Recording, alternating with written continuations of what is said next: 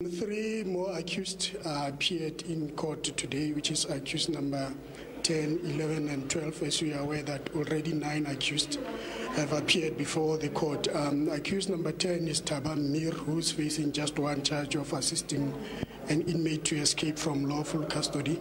Accused number 11, it's um, Joel, Le- Ma- Joel Macheta. Accused number 12, it's Muik, it's Ramudula. Number 11 and 12 are facing three charges each, which is assisting an inmate to escape, um, violation of the body, and, and corruption. The state made a request that the matter be postponed until next week, Monday, for bail information so that we can, the, the police can assist to check for us if the accused have previous conviction or if they don't have any pending cases. um, they, they the next appearance will be bail information, but do you have any indication as to whether they will be applying for bail? Yes, um, the, we, the information that we received is that they will be making an application for bail, hence we made the request that the matter be postponed to next week so that before we can entertain any bail application, we can have an idea as to whether they have previous convictions or pending cases, which will have an impact on, on, on the decision that will be taken by the state as to whether we're going to oppose their release release on bail or not.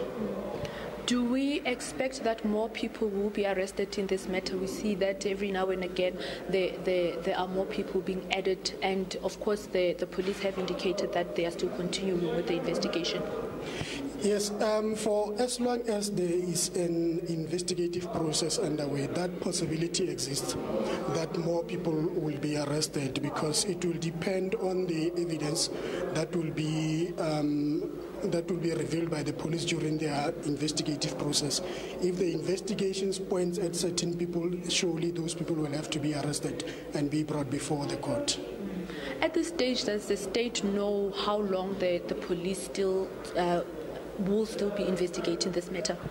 It's difficult to, to tell. Um, uh, we, we don't know how long the investigation is going to take, but our hope is that very soon they will finalize the investigation. Remember, we cannot preempt the challenges that the investigators are go going to come across during the process of the investigations. But our hope is that very soon they will finalize the investigation so that we can determine as to how many people in all um, are charged and decide on the forum where those people are going to face their trial.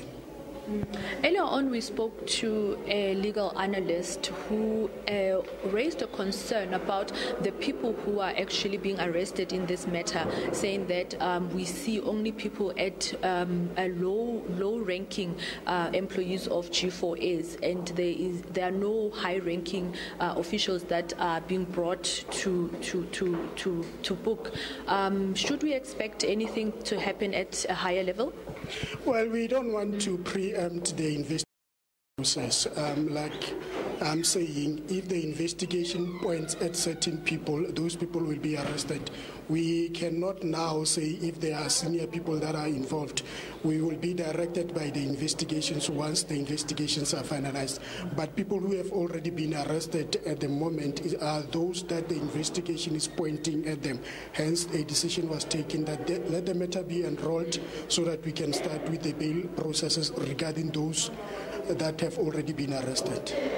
And these three today that were that appeared in court will also appear on the 8th with the rest of the uh, accused.